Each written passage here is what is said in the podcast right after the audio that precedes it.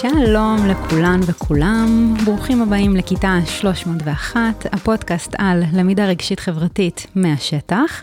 אני טל גרינסון והיום איתי יעל נאות עופרים. יעל היא מרצה בסמינר הקיבוצים ובאוניברסיטה העברית, היא ניהלה את מעבדת הפסיכופדגוגיה באגף מו"פ של משרד החינוך. תחומי המחקר שלה הם אתיקה של קר, דיאלוג, מחלוקות מוסריות וחינוך אזרחי. היא ממייסדי המכון לאמפתיה בחינוך ובחברה בסמינר הקיבוצים. היא הקימה את תחום המחקר במכון אבני ראשה, וניהלה את התוכנית לתואר שני בחינוך אזרחי ודמוקרטי באוניברסיטה העברית. יעל, כמה טייטלים, איזה מדהים, איזה כיף שאת פה, מה שלומך? אה, תודה, יופי. טוב, אז אה, בואי תספרי לנו קצת על עצמך, אה, דרך אחת ממיומנויות הסל. אז אני אספר קצת על עצמי, אני נולדתי בפתח תקווה, בבית מאוד של פעם, שהמורים תמיד צודקים. נגיד בית לא נורא משכיל, אבל שהשכלה הייתה בו הדבר uh, הכי חשוב שיש. בגיל שמונה נשלפתי מחיי בפתח תקווה, ונסענו לאוסטרליה. Uh, ואני חושבת שזה בערך הפך את העולם שלי. Uh, מגיל שמונה עד שלוש עשרה גדלתי באוסטרליה. אני אגיד, גם החזרה לארץ הייתה מאוד מאוד קשה. כמעט יותר קשה מהמעבר לאוסטרליה. כן, אני חושבת לקח לי אולי עד איזה גיל 30 שהרגשתי עוד פעם בארץ. ממש, וואו, זה היה מאוד... אה, כן, כן, לא, זה, זה, זה קשוח, זה קשוח. שנים של צחקו עליי, שאני אומרת, סליחה, בבקשה, סליחה, בבקשה, כאילו, על מה, מישהו נתקע בך, למה את אומרת סליחה? אבל אני, אני, אני רוצה ככה לשים את החוויה הזאתי כאיזשהו אה, ליבה מכוננת בהקשר אה, של מיומנויות סל, ולחבר אותה למיומנות סל שלרוב היא לא כל כך אה, בולטת, ודווקא למיומנות הסל של מודעות. חברתית, המעבר הזה הכריח אותי להמון מודעות חברתית, ואני אגיד בכל מיני רבדים. קודם כל, בשביל להבין מה קורה סביבי. אתה פשוט צריך כל הזמן לנסות להבין ולקרוא סיטואציות. גם במעבר לשם וגם במעבר חזרה, החוויה של הזרות והלהתבונן מבחוץ ולהבין מה קורה, אז זה ככה רובד אחד. אני אגיד רובד שני, זה פשוט הרובד שאני חושבת שאולי אנשים חווים אותו מנקודות מבט שונות, זה הרובד של ההסתרה. כאילו כל הזמן להסתיר את זה שאתה לא יודע. אני, אני חושבת שזו חוויה מאוד חזקה, ואני אחבר את זה גם לחזרה לארץ, להיות בכיתה ח' ולדעת לדבר עברית ובלי מבטא ולא להיות מסוגלת לקרוא. אז גם כן, אז אני אומרת, זה ככה, אני חושבת חוויה מאוד מכוננת. באמת אני חושבת שהדבר שמאוד מוביל אותי בחיים, זה איך יוצרים מרחב שבו כולם לא צריכים לפחד, אבל זה, זה אני חושבת המניע והחיבור הגדול שלי ל... אז יש פה את הסיפור באמת של מודעות חברתית, שזה משהו שנכח אצלך אה, מאוד מאוד בתחושות האלה כשגדלת, אה, ואנחנו תכף נשמע גם איך זה השפיע על, החיים שלך ועל מהלך המחקר שלך. באמת אחת מהמטרות של, ה, של הפודקאסט זה להנגיש ולהעביר מידע מהעולם התיאורטי, מהעולם המחקרי, לעולם השטח. אני מרגישה שהרבה מורים יודעים הרבה דברים ועושים הרבה דברים בצורה אינטואטיבית, ולא תמיד מבינים ויודעים איך לחבר את זה לתיאוריה. ואת עוסקת הרבה במחקר שקשור למיומנויות סל בצורה הגדולה, והייתי שמחה שתספרי לנו על המחקרים שלך, על ממצאים עיקריים. טוב, אז אני באמת חושבת שהרבה מורים עושים דברים נפלאים באופן אינטואיטיבי, אז אני חושבת שבמקרה של סל זה, זה הכי נכון. אה, בסופו של יום סל זה פשוט פדגוגיה טובה, זה להתבונן על, אה, על הלמידה של הילדים ועל, ועל עצמך בתוך הסיטואציה. אז אני אומרת, קודם כל, ואם את שאלת אותי מה הממצאים שלי, אז קודם כל סל זה ב, ב, בתוך הכיתה, וזה לא משהו שאולי יועצת, אבל התחום המחקר הראשוני שלי, הלב זה אמ, פילוסופיה. בהתחלה התחלתי, וזה מאוד מתחבר למה שככה סיפרתי על הסיפור חיים שלי, על אוסטרליה. אה, המחקר שלי היה בנושא של אמ, מה שנקרא conceptual relativism, על האפשרות בעצם שהתקיימו מושגים שונים. לאותה תופעה. אחרי העולם של המושגים, הדוקטורט שלי הוא בתחום של מחלוקות מוסריות. האם אנחנו יכולים לקיים דיון על מחלוקות מוסריות, אה, או אם זה יותר כמו טעם וריח, זה, זה הדברים שככה מאוד עניינו אותי, ובאמת חשבתי שיהיה לזה איזושהי תשובה, אבל תוך כדי מחקר אני הבנתי שבעצם מדובר כאן בהיבטים שהם אה, מאוד קשורים לפרשנות, קשורים לנרטיבים, קשורים לערכים, אז זה לא מנותק מהעולם הרגשי. אה, גם הצמיחה האינטלקטואלית שלנו, מהנושא של קונפליקט ומהנושא של לראות איך מחברים את הדברים, ואני אגיד גם היום, התחום המרכזי של המחקר שלי זה תפיסות של דיאלוג, תפיסות של אה, שיח, איך מקיימים דיאלוג שהוא פורה, ושם ההיבטים הרגשיים הם אה, היבטים מאוד ליבתיים. אז אם ניקח לדוגמה לצורך העניין שיחה בין מורה לבין תלמיד, אה, וננסה להדגים את, ה, את המקום שאת מגיעה ממנו, אז בעצם יש מורה, יש לה נרטיב כלשהו על עצמה וגם על התלמיד שעומד מולה. היא מסבירה משהו, ונגיד התלמיד לא מבין, והוא עונה לה מתוך תסכול, או מתוך אה, בושה, או מתוך אה, קושי, הוא עונה לה בחוצפה. אז אני, אני אגיד בכלל, קודם כל אני, אני, אני אוסיף עוד מימד, אנחנו בתור מורים תמיד חושבים שיצאו לה באות אס. רוב הסיכויים שהוא עונה לה מתוך אה, חוצפה, כאילו זה לא קשור אליה, הוא עכשיו רוצה להרשים את הילדה, את יודעת, בשלושה ספסלים מאחורה, שאני אפילו לא ראיתי, ואני חושבת שזה מופנה כלפיי. אבל אני אגיד, כן, שיש קונפליקט, אם סביב התנהגות, אם סביב... אז היכולת לעצור רגע ולהבין רגע מאיפה, באמת להיות קשובה, רגע להגיד לעצמי, נפגעתי, מה זה אני השקעתי בילד הזה? כאילו, וואי, כאילו איזה שיעור בניתי בשבילו. ואיך הוא מדבר עליי עכשיו, איך הוא משפיל אותי לפני כולם. קודם כל, רגע, נפגעתי עם עצמי, לדעת את זה. זה, זה, זה, זה מאוד קשה. ואני מפחדת, כי אם אני עכשיו אוותר לו, מה יקרה בכיתה? אוקיי? התקדים, אם אני, מה, מה הולך להיות כאן? איך כולם עכשיו יראו אותי? היא חלשה, היא חזקה, היא מפחדת ממנו, ננסה...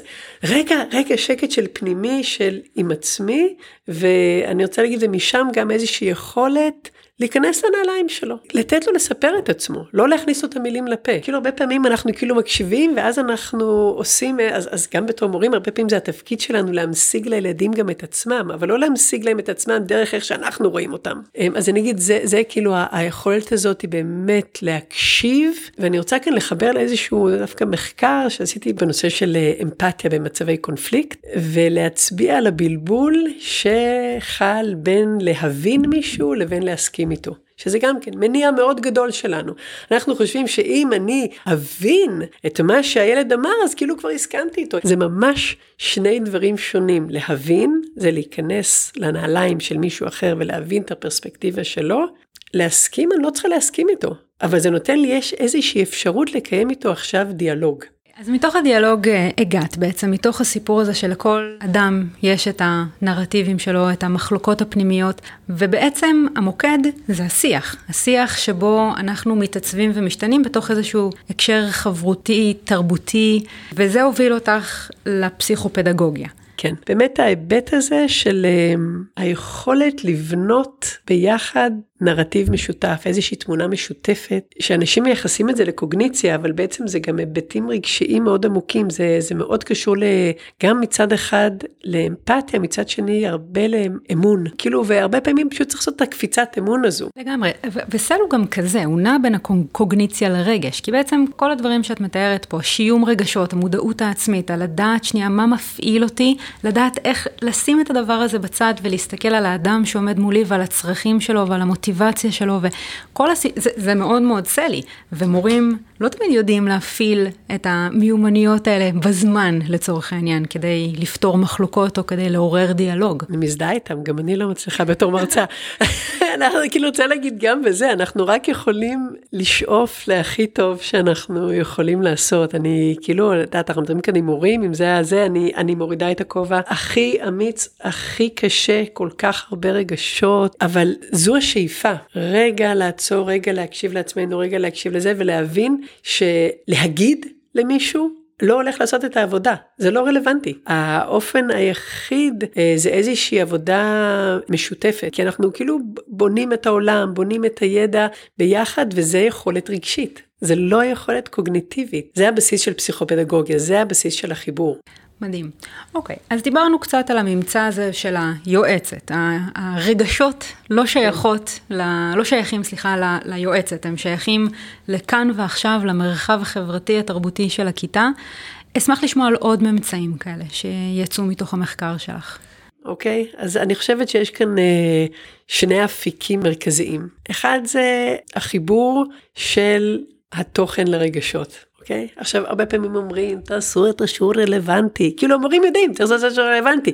רלוונטי זה גם להיבטים אה, הרגשיים, ואני רוצה להגיד, כל תוכן כמעט מעורר רג... אם אנחנו באמת בתוכו, מעורר uh, רגשות. אני אקח את המקרה של יציאת מצרים. הייתי יוצאת ממצרים או לא הייתי יוצאת ממצרים? וואי, כאילו היה מגיע איזה משה אחד ואומר לי, אחריי, מה הייתי מרגישה, וזה זה, זה מוביל לכל כך הרבה מקומות. כל נושא, יש פה הרבה, אני אתן עוד דוגמה, אני חושבת על, על מתמטיקה, אוקיי? Okay? זה כאילו הנושא, ומפחדים מתמטיקה, וכשאתה שואל ילד, איך הוא מגיע הביתה מבית ספר באוטובוס, או עם כסף, או כמה זמן, אה, כמה כסף הוא צריך ל... או לחשב, כמה זמן הוא צריך, הוא ישר יודע לעשות את החישובים. כשאני שואלת אותו על שתי בריכות, וואו, הוא ייתקע, הוא יפחד, זה מתמטיקה, גם זה פסיכופדגוגיה. רלוונטיות גם במובן של איך אני מורידה את סף האימה ממקצוע, וגם איך אני מעלה את העניין וקושרת את זה להיבטים אישיים, אבל הכל, כמה שהכל יותר אישי, יותר קל לנו לחשוב על זה. לגמרי, אני, באחד מהרעיונות שערכתי עם אה, אושרית, אה, מורה מדהימה, היא מספרת שכמורה לגיאוגרפיה, אז אחת מהשאלות שהיא שואלת זה, אם היית רעידת אדמה, אוקיי? מה לך גורם להתפרץ? אה, מה, איך אתה מנהל את הרגשות כשאתה, שבעצם היא, היא משווה כל אחד מהשלבים של מה גורם לרעידת אדמה, למשהו שקורה פנימית אצל הילד. אז אז לגמרי לקשור את התוכן לתוך העולם הפנימי, אבל אני חושבת שזה גם יותר מזה, זה להסתכל באופן כללי על התוכן כאמצעי ולא כמטרה. אני מסכימה. הדבר אחד זה להסתכל על התוכן, והדבר השני, אם אנחנו מסתכלים על סל, ואני אגיד גם על פסיכופדגוגיה, לא רק כאמצעי, אם המטרה שלנו זה ה-well-being של הילד, תכנים הם הזדמנות לסל ול-well-being.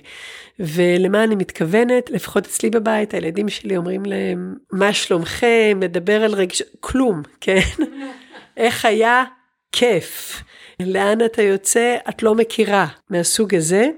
דווקא עבודה סביב התוכן והתמודדות עם תוכן מזמנת לנו אפשרות להיות עם הילדים, לדבר עם הילדים, להתמודד איתם הדברים, ואני חושבת שזה המוקד של בניית האמון. לגמרי, יש גם פעולות של הרחקה ו- וקירוב. אני נתקלתי בזה הרבה פעמים כמורה, שהילדים לא רגילים בשיח מהסוג הזה, וזה מאוד מאוד מורכב להם לענות לי מה שלומם. הם לא יודעים, או שהם כל כך בתוך משהו מורכב עם עצמם, שהם באמת לא, לא יודעים איפה להתחיל. כשאת שואלת, אה, אני כמורה להיסטוריה נגיד הייתי עושה את זה דרך חומר הלימוד, אוקיי? כאילו, תסתכל על, אה, על ימי הביניים ותשים את עצמך בנעליים של אה, אביר ותספר לי על סדר יום שלך, אוקיי? ואז מתוך זה את יכולה, אם את מורה שרוצה, את יכולה לדלות גם דברים שקשורים ל-well-being של התלמיד הזה. אה, וגם את מתאמנת על אמפתיה כן. ועל כל הדברים, כאילו להסתכל רגע כן. מתוך עיניים של מישהו אחר. ואני מוצאת שעיסוק במיומנויות רגשיות או בשיח רגשי דרך תוכן, לפעמים אפילו יותר קל לתלמידים כי זה קצת רחוק מהם, נכון, כאילו זה לא בדיוק, עליהם. בדיוק, אבל אני אגיד אפילו יותר מזה, כאילו שמישהו אומר לך מה שלומך, אני לא, מה, מה התשובה? התשובה המיידית של זה זה, אתה באמת רוצה לדעת? זה יקרה, יש לך עכשיו 40 דקות, שלא נדבר על זה שאני עם עצמי, אפילו בתור בן אדם מבוגר, מה שלומי? זה גם, זה תלוי הקשר. מי שואל אותי, כמה אנחנו קרובים, כמה היום אני רוצה להיפתח, ואני מאוד מסכימה איתך שהתוכן, הוא פשוט מאפשר לנו, כמו שאת אמרת, זה סוג של הרחקה. והיא מאפשרת לנו משהו ל- לעבוד דרכו. ובמובן הזה למורה יש יתרון מאוד גדול, גם על ההורה הרבה פעמים, גם על היועצת, יש לו פשוט יתרון. כן, אנחנו לא מדברים עליך עכשיו, אנחנו מדברים כן. על האביר מימי הביניים. כן. הייתי שמחה שנחזור שני צעדים אחורה, אה, ולטובת אלו שמאזינים ומאזינות לנו כרגע, המושג פסיכופדגוגיה, מה הוא אומר? הוא כמובן אה, אה, פסיכולוגיה ופדגוגיה, כאילו ההיבטים הרגשיים שבתהליכי הוראה למידה. זה המשמעות. הבנתי, אוקיי. אז הייתי שמחה לשמוע על המחקר עצמו, על המעבדה שאתם עשיתם כשהגעתם למסקנות אוקיי. האלה. אז, אז אני אגיד uh, ככה בשתי מילים מה זה uh, מעבדה, כי אני חושבת שהקונספט כאן מאוד יפה, ואני חושבת שהוא גם אמור לדבר על מורים. אני, אני רגע בכל אופן רוצה להחזיר אותך אחורה, כי זה ככה העלה לי עם המעבדה ומה שעשינו שם. אני רוצה לשים את האצבע על עוד ממצא, אני חושבת שהוא ממצא מרכזי, דיברנו על זה עד עכשיו מאוד מנקודת המבט של המורה. אני דווקא רוצה לדבר על זה עכשיו מנקודת המבט של uh, תרבות בית ספרית ומנהל מורה. אני חושבת שהממצא המרכזי, וזה כאילו היה הממצא של המעבדה גם, זה שקודם כל המורים, כאילו לא יהיה לך פסיכופדגוגיה בכיתה, יהיה לך, בוודאי, תמיד יש מורים שיכולים לעשות, אבל אם אתה רוצה את זה באופן אה, מערכתי ושבית ספר באמת לדבר על מיומנויות רגשיות חברתיות באיזשהו אופן שהוא מערכתי. אתה לא יכול לעשות את זה אם אתה לא אה, יוצר את המרחב עבור המורים גם להיות מיומנים. זאת אומרת שמנהל וצוות, יש להם המשגות ויש להם את השפה הרגשית ויש להם את המרחב גם כן, הם לא צריכים, אני, אני, אני ועוד פעם, יכול להיות שזה מהדמיון שלי, אבל הם לא צריכים להסתיר את מה שקורה בכיתה שלהם. שאפשר לשים את הדברים על השולחן, שאפשר לדבר את הדברים, שאתה, אם אתה רוצה להגיד לעצמך, אני מפחד, או אתה רוצה להגיד לעצמך, אני לא מצליח, לדבר עם עצמך זה לא יעזור, אתה צריך כאילו את המרחב הבית ספרי, את המרחב בחדר המורים, כמו שהילד צריך את זה בתוך מרחב שהוא כיתתי להיות מסוגל לעשות את זה. אז קודם כל אני רוצה להגיד, הדבר הכי חזק זה קודם המורים, וקודם המרחב הבית ספרי, ואני לא יכולה להדגיש כמה זה חשוב, אני כמעט, אני, שוב, זה נראה לי כמעט ברור מאליו, ועדיין אני רוצה לשים את זה כאן, גם כי זה היה ממצא מרכזי, וגם כי אנחנו באמת עבדנו בסופו של יום דרך אה, יחסים של אה, מורה ומנהל, מורים, חדר מורים ומנהל.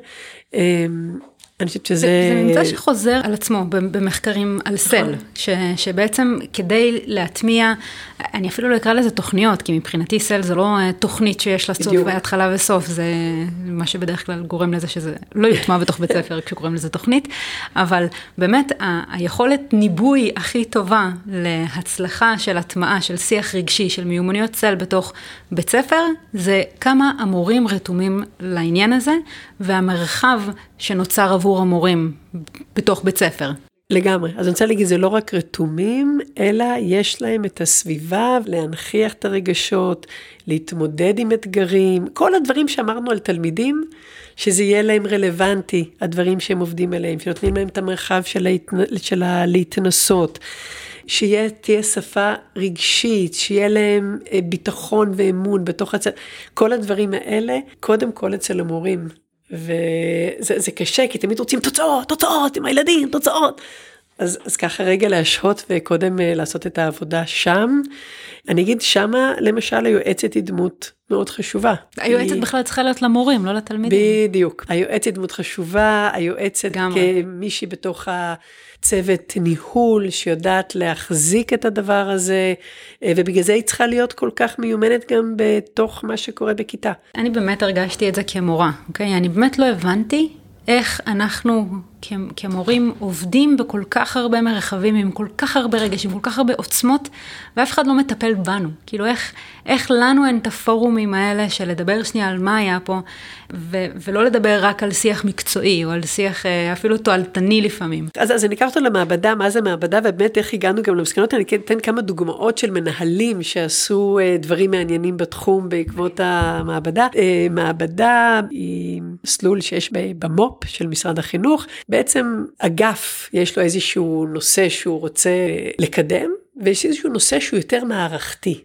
אוקיי? אז אני אגיד דוגמאות שהן יותר ברורות, זה מניעת נשירה, הטרוגניות, אוקיי? ובהקשר שלנו זה פיתוח מיומנויות חברתיות רגשיות, כאילו איך עושים את זה?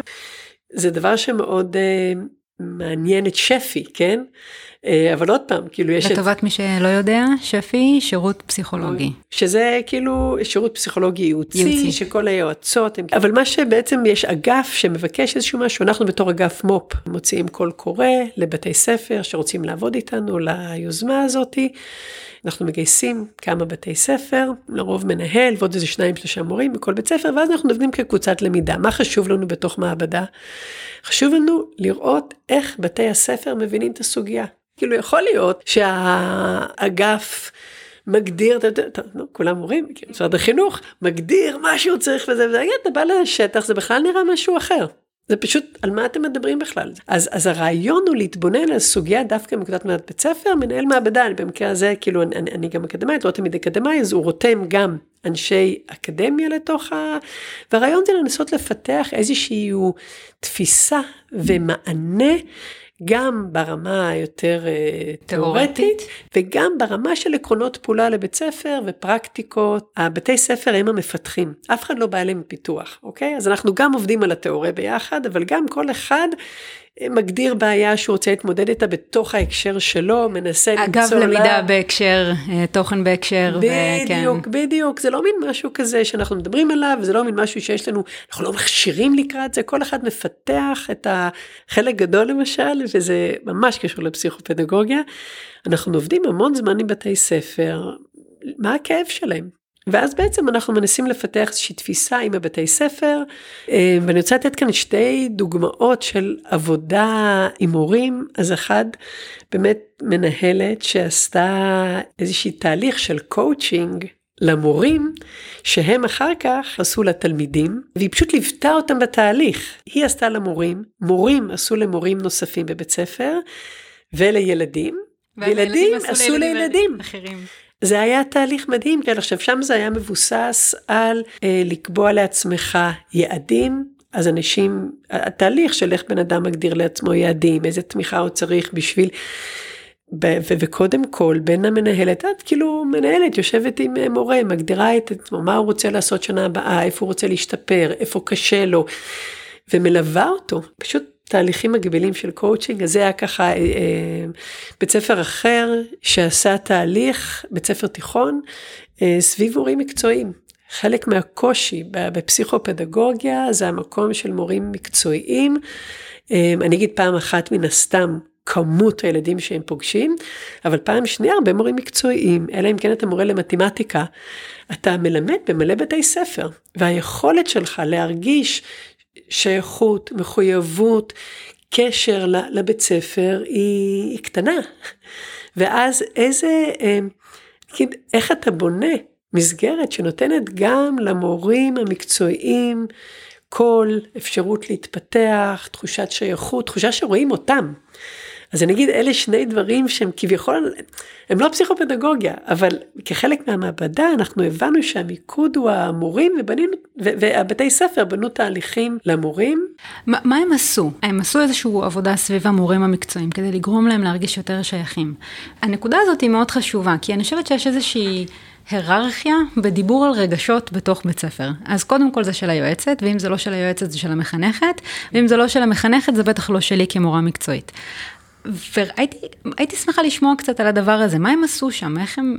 אני, אני אגיד שני דברים שאני חושבת שהם היו ככה מרכזיים, קודם כל, הם יצרו מרחב מפונפן למורים המקצועיים. זה חשוב. כן, שיהיה להם איפה לשבת, שהם לא היו הדבר, שיהיה להם נעים, זה כאילו זה נשמע טיפשי. זה לא. אבל זה הכי כאילו שגם למורים המקצועיים יהיה חוויה של בית, שהם לא רק נכנסים, זה, זה כאילו הם, הם שמו לעצמם למטרה ל... וזה לא פינוק, לתת למורים הרגשה שהם חלק בית ספר. במקביל, כל ה... וזה אני חושבת גם כן מאוד אה, מעניין כגישה, אבל כל הישיבות צוות, הם עשו ישיבות צוות פסיכופדגוגיות, הם בעצם עשו סוג של הכשרה, אבל תוך כדי פעולה, של הרכזים המקצועיים. לפסיכופדגוגיה, כי הטענה הייתה שכל רכז מקצועי מחזיק חמישה, שישה מורים, זה היה בית ספר גדול, מורים ואיך אתה עושה ליווי פסיכופדגוגי כי אתה בעצם עכשיו עובד עם המורים האלה, ואיזה, איך אתה עושה את הסדירויות, ואיזה שיח, ואיזה, אז זה כאילו היה, זה היה המהלך שלהם. זה שוב לחזור לדיאלוג, אוקיי? לשיח שהוא לא רק, לא רק עכשיו אתה צריך כמורה להיכנס להעביר את התוכן, אלא באמת שנייה להבין מי אתה כאדם, ומה אתה עובר בתוך התהליך הזה, זה שיח פסיכופדגוגי. בדיוק, קודם כל, באמת, וזה דבר שאני למדתי דרך הקבוצה הזו. בסך הכל, מה זה ישיבות צוות? אה, מחלקים אה, משימות, נכון? ולרוב בצורה מאוד לא יעילה, ואז שתי הנחתות, וכולם ממורמרים, ו... אז, אז הרעיון שם היה לראות את האנשים, מה שנקרא, אה, דרך התמודדויות שלהם, דרך פעילויות חברתיות, דרך אפילו לעשות חיבורים בין המורים. שעבדו במקביל, דרך לראות איזה רצפים הם צריכים. את, את אמרת על דיאלוג, שזה היה החלק הכי אה, משמעותי, לא מנחיתים. עכשיו, לא ש... ו- ו- ואני חוזרת לדבר של הבלבול בין להבין ללהסכים. זה לא ש...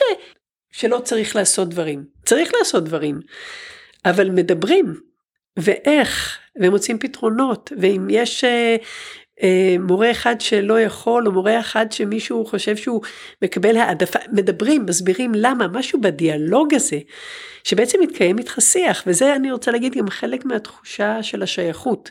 שאתה חלק מהלופ שמתקיים איתך שיח. לגמרי, שעמדתך נחשבת, שמה שיש לך להגיד חשוב. וגם אם, ועוד פעם אני חוזרת לזה, גם אם זה לא מה שקורה בסוף. וזה דבר אבל ששני הצדדים צריכים, זה, זה, זה, זה נקודה נורא עדינה. זה, זה ממש קטע, כי כאילו זה מובן מאליו. אוקיי? זה, זה, זה, זה כאילו... קשה לי להגיד את זה, זה כי זה, זה מובן מאליו. אבל, אבל זה לא, כי באמת, אני, אני שוב, ולא בכוונה, אף אחד לא עושה את הדברים האלה בכוונה.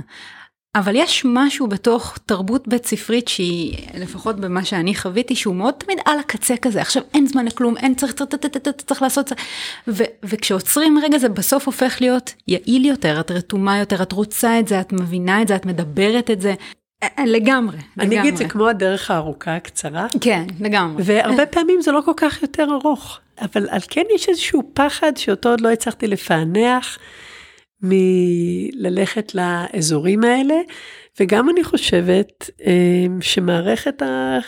עכשיו את דיברת ככה את מערכת החינוך, זה מזכיר לי כיתה. כמו שאתה ממשמע ילדים, שלא תקצור טק, טק, טק, כל הזמן שכאן נהיה הקצה בשביל להחזיק, שכאילו להחזיק את המשמעת. להחזיק משמעת, בוא.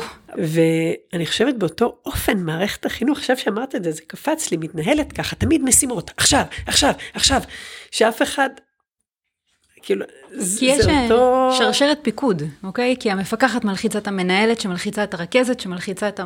ו- ו- ובמקום ששנייה כולנו נהיה בדיאלוג, באיזשהו שיח, בשנייה לדבר על מה קורה פה, אנחנו מתעסקים בציונים ומתעסקים במסמכים, ואת מתעסקת ב-45 ב- דקות אה, שהייה המסכנות שיש לך, אה, במיליון ואחת דברים. ואז אין לך כבר זמן למשהו שהוא רגשי, כי, כי, כי זה לא מתועדף.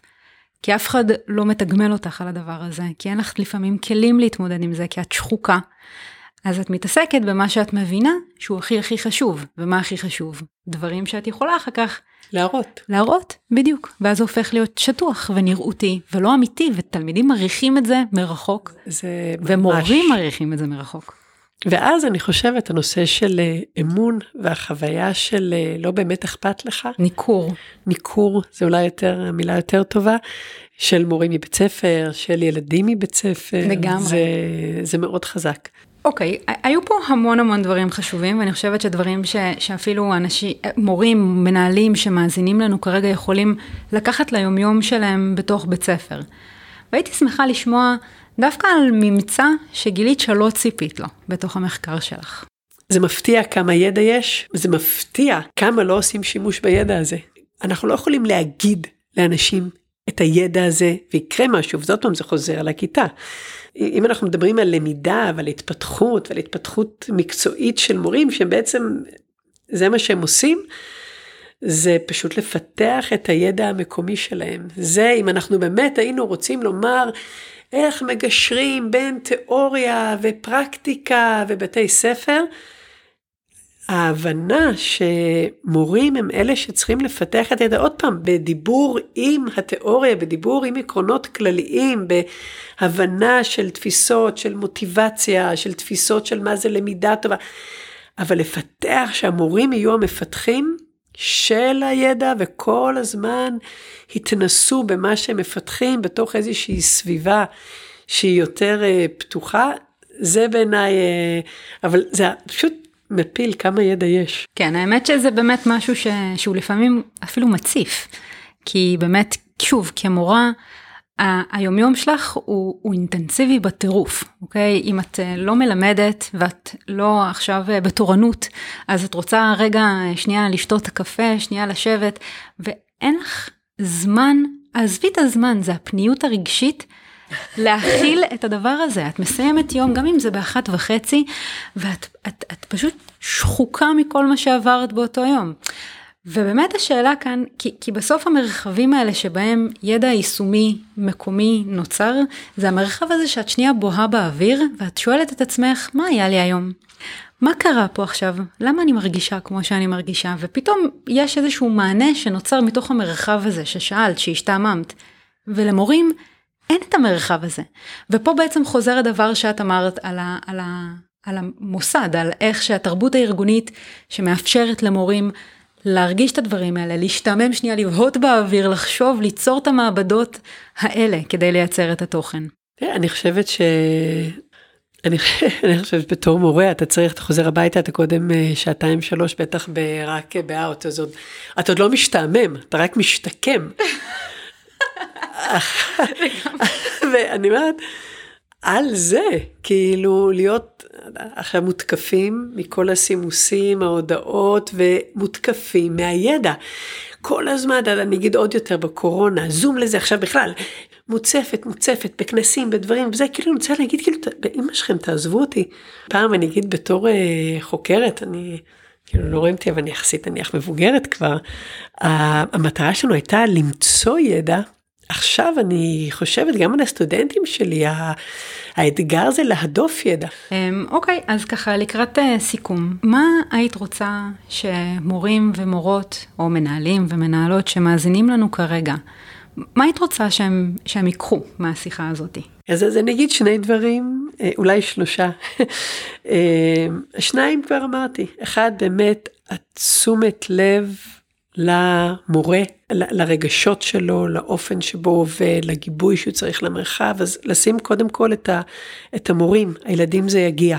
הדבר השני, באמת לקחת ברצינות את הטענה שרגשות ומחשבות הם עובדים ביחד. זה החיים, ואם כל אחד רגע יעצור עם עצמו, הוא, הוא, הוא ידע שזה ככה. אה, לא, אנחנו לא על ספת הפסיכולוג, כאן הנושא, כאילו יש קצת הזדמנות, זה לא, הנושא הוא לא אני, הנושא הזה ההתפתחות שלי באינטראקציה עם אנשים, העולם, חומרים, כאילו כל מי שיעצור יבין שזה, שזה מה שקורה. אז אני באמת מבקשת לקחת ברצינות את החיבור הזה, כי ממילא זה מה שקורה. והדבר השלישי שאני רוצה לומר שאולי קצת חורג ואולי הוא גם יקשור להתחלה של השיחה שלנו, זה הנושא של המודעות החברתית. ואולי זה משהו שהוא ככה אה, על קצה המזלג, אולי הוא לא יהיה מספיק מובן או בעל ערך, אבל כן הייתי רוצה לומר, לא בהכרח לשים את הילד במרכז, אוקיי? אני חושבת שאנחנו שה... צריכים לשים את היחסים במרכז, אוקיי? ואני אגיד יותר מזה, אנחנו מאוד מאוד מורגלים באיזושהי תפיסה אינדיבידואליסטית של הילד והצרכים שלו וההתפתחות שלו. אה, ואם אנחנו חושבים על היחסים, אנחנו חושבים עלינו רק כעל תומכים שלו ואיך אנחנו יכולים להצמיח אותו.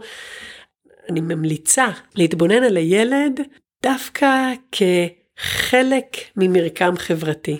אוקיי? אז לא לחשוב על כל ילד במבודד, אלא לחשוב על הילד כחלק מרשת, הרשת של הכיתה, הרשת של הבית ספר, כי כל פעולה שאנחנו עושים עם הילד היא משפיעה, וכל פעולה שקורה עם ילד אחר מושפע. אז, אז אני אומרת, יש כאן איזושהי רשת חברתית, ואם דווקא נאחוז בילד כמתפתח בתוך הקשר, ולא רק מתוך שאנחנו נותנים מענים לצרכים שלו. אני יודעת שהנושא של פרסונליזציה היום הוא נורא במרכז, אבל אני רוצה להגיד, פרסונליזציה, יש בה משהו שהוא מסתכל בצורה מאוד צרה על, ה, על הילד, אנחנו לא יכולים לחשוב על הילד במבודד, כי הילד הוא חלק מתוך מערכת, והוא חלק מתוך אינטראקציות, ו... אז אני חושבת שהנקודה השלישית שהייתי רוצה ככה שרגע אנשים יחשבו עליה, זה היכולת לראות את הילד כחלק ממרקם, כמתפתח בתוך הקשר, מתוך אינטראקציה עם ילדים אחרים, עם המורה, עם הבית, עם חומר הלימוד. אה, זה מאוד סלי, אגב, כן? מיומנויות זה... צל מדברות בדיוק את הדבר הזה. אה, אני חושבת שזה מאוד סלי, אבל אני חושבת שהרבה פעמים אנחנו לוקחים את הסל למקום אה, מאוד תועלתני, מקום של אה, אוקיי, עכשיו אני אלמד את הילד את המיומנויות האלה, אז יהיו לי תוצאות יותר טובות בבגרות. אז אה, הילד ידע להצליח יותר בעבודה, האזורים האלה זה אזורים באמת שהם יותר חברתיים, אה, שהם לוקחים את הסל, בוודאי הסל הוא כלי. אבל אני רוצה להגיד, הוא, הוא לא רק כלי, ואני חושבת שאם אנחנו מסתכלים על ה-well-being של ילד, גם well-being זה לא דבר שהוא קורה בבדיד. ילד לא יכול להיות שיהיה לו well-being בתוך מרחב אה, שהוא אלים למשל. אין דבר כזה well-being אישי, well-being זה דבר חברתי. אז בשביל לדאוג ל-well-being אנחנו צריכים להתבונן על, ה... על ההקשר החברתי, זה דבר שגם היה לי מאוד חשוב ככה לשים, כי אני חושבת שזה מאוד סלי, אבל זה הולך לאיבוד, כי אנחנו משתמשים בסל לפעמים ככלי בשביל הצלחה. ואני רוצה להגיד, זה לא מספיק, זה קצת מפספס בעיניי את הסלע האמיתי. אוקיי, okay, אז תודה רבה, יעל, על זה שהשתתפת. בשמחה, לעונג. ממש. אה, ותודה רבה לכן ולכן שהאזנתם. מוזמנים אה, להאזין לפרקים הבאים, ויאללה ביי. יאללה ביי.